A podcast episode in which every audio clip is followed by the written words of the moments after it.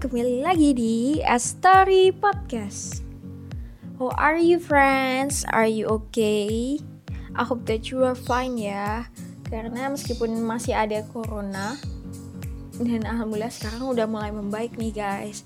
Dan Happy New Year buat kita semua. Selamat tahun baru ke 2022 gitu. Gimana teman-teman? Udah buat resolusi apa belum nih? Atau masih mikir bagaimana cara membuat resolusi? Sebenarnya apa sih pentingnya resolusi itu? Jadi resolusi itu penting banget loh untuk kita semua. Karena supaya mengingatkan kita dengan tujuan kita yang sebenarnya. Dan mengingatkan kita apa sih yang harus kita capai, achievement untuk uh, merasakan pengalaman yang luar biasa di setiap prosesnya. Uh, atau kamu sekarang udah memiliki bayangan tentang lima tahun ke depan, gimana cara untuk mencapai bayangan lima tahun ke depan gitu. Contohnya aja kalau kamu saat ini pingin banget menjadi seorang leader yang bagus, berarti kamu harus mempersiapkan mulai dari sekarang dong. Nah, persiapan-persiapan itu bisa jadi resolusi kamu untuk di tahun baru ini. Resolusi itu pastinya berhubungan mengenai perubahan teman-teman. Di mana kita selalu harus memperbaiki dari masa ke masa.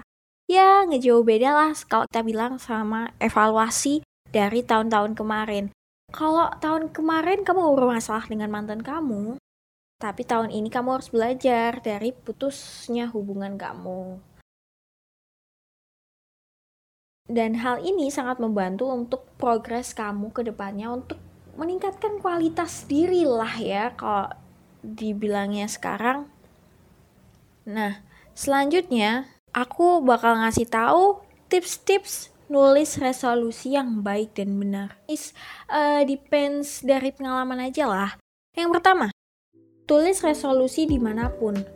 Maksudnya gimana nih? Ya, kamu bisa menuliskan resolusi kamu seperti di note HP, di dinding, di sticky notes, atau uh, bahkan di diary. Biasanya kalau aku sih di, di secara di diary gitu ya, aku tulisnya karena aku sering banget buka diary.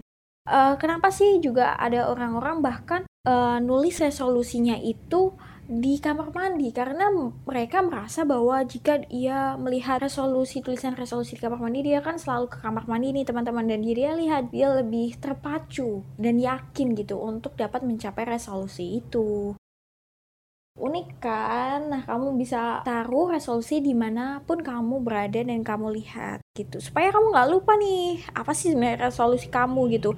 Karena kamu udah uh, terjebak zona nyaman jadi kamu nggak inget resolusi kamu sebenarnya. Jadi kamu lupa deh akhirnya kamu nggak dapat mencapai resolusi kamu sebenarnya. Nah yang kedua nih teman-teman. Kamu bisa uh, jangan terlalu banyak resolusi atau kamu bisa menuliskan resolusi itu secukupnya.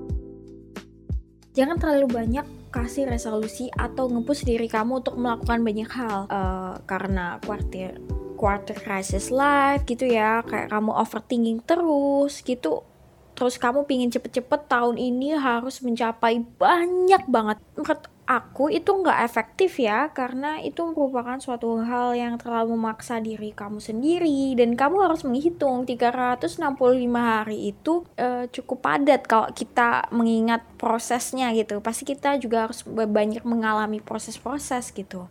Nggak bisa langsung mencapai resolusi langsung gitu. Pasti kita harus ada step and stage-nya masing-masing Nah, yang selanjutnya perhatikan nih, tulis aktif aktivitas kecil untuk mencapai resolusi. Gimana sih maksudnya?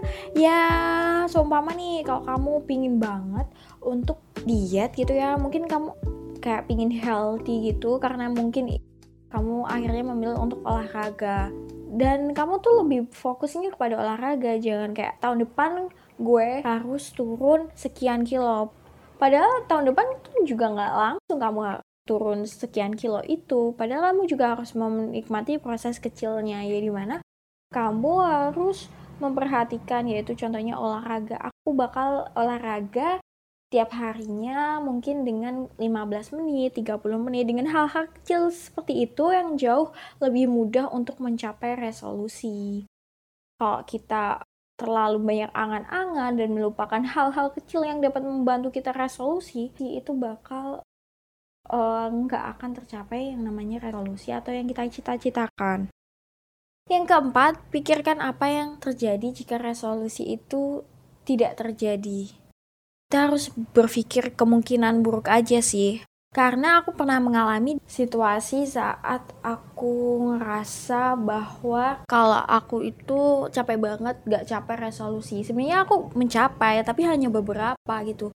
Dan itu aku ngerasa kecewa banget. Dan di tahun berikutnya akhirnya aku tidak menuliskan sebuah resolusi. Alhasil ya sedikit berantakan dan aku selalu uh, nggak inget apa tujuan aku di tahun ini gitu dan akhirnya ya gitu deh resolusi aku ngambang dan aku nggak tahu apa yang aku achieve dan jadi kesenangan itu kurang kerasa gitu ketika aku mendapatkan sesuatu karena it's not resolution kayak nggak really gitu nggak really happy gitu. Uh, dan juga ini mempengaruhi kesehatan mental kita di mana kita uh, aku ngerasa kalau memikirkan hal buruk yang ter akan terjadi itu bakal mempersiapkan mental kita. Dan juga kegagalan kita terhadap resolusi itu pasti berpeluang terjadi karena dapat juga kemungkinan-kemungkinan peluang-peluang kita untuk tidak mencapai resolusi besar. Kita ya sebagai manusia di mana juga ada Tuhan yang mengendalikan semuanya dan itu kebijakan Tuhan gitu ya. Nah, selanjutnya mengajak teman atau orang terdekat kamu buat mengingatkan resolusimu. Ini sih buat tambah-tambahan dari aku aja ya. Somehow kita tuh nggak perlu show apa purpose kita gitu. Sebenarnya mungkin ada beberapa orang yang berpikir seperti itu. Tapi aku juga berpikir seperti ini karena itu juga mengaruh banget ke aku karena aku biasanya di mana aku bertemu dengan seseorang yang juga kasih supportive gitu ke aku ke teman-teman aku maksud itu selalu kayak ngasih support dan reminder gitu. Gitu kan kamu mau ini ya itu jadi nggak sih resolusi kamu ini ya? Kamu jadi nggak sih? Terus biasanya kamu gini ya kita saling-saling cerita-cerita gitu aja. Tapi but dia tuh tahu apa yang aku inginkan dan resolusi apa yang aku inginkan. Bahkan teman-teman aku juga cukup membantu aku buat kayak achieve apa resolusi aku. Jadi kayak bahkan dia juga ngasih solusi kayak oh, mau aku bantu nggak? Mau aku bantu nggak? Nah itu cukup cukup membantu ya sebenarnya sosial lingkungan kita dan aku harap ini juga terjadi ke kalian di lingkungan yang suportif. Selanjutnya, yang terakhir adalah beri reward setiap tercapainya resolusimu. Yaps, ya ya gitu deh. Pernah nggak sih kalian mengachieve sesuatu dan kalian akhirnya mendapatkan reward? Contohnya kalian dapat duit. Untuk mencapai resolusi pasti kita juga memberikan effort yang terbaik memberikan usaha yang kita kerah tahun itu. Dan itu tuh merupakan suatu hal yang perlu kita banggakan gitu. Dan untuk menikmati apa yang kita banggakan dan kita hargai apa yang telah kita lakukan saat ini, kita perlu self love. Nah, bentuk self love-nya itu mungkin kita bisa kasih kita uh, diri kita sendiri tuh reward. Uh, mungkin kita bisa liburan atau melakukan hal-hal kecil dengan apa yang kita suka, melakukan hal-hal yang uh, mungkin sangat memotivasi kita juga buat sejauh lebih berkembang lebih baik dan itu merupakan suatu hal yang wajar ya gitu. Karena kalau kita nggak kasih reward buat diri kita ya kita lama-lama suntuk juga gak sih? Jadi self love itu juga penting. But ya perhatikan self love dan semoga self love itu bukan kayak yang jauh ngerugiin kita gitu Nah, itu cara nulis resolusi versi dari Astory Podcast. Semoga bermanfaat ya cara-caranya dan semoga juga memotivasi kamu buat jauh berkembang lebih baik. Udah itu aja ya tipsnya dari Story Podcast. Kalau kamu suka boleh follow IG kita at story underscore podcast. Bye, love you.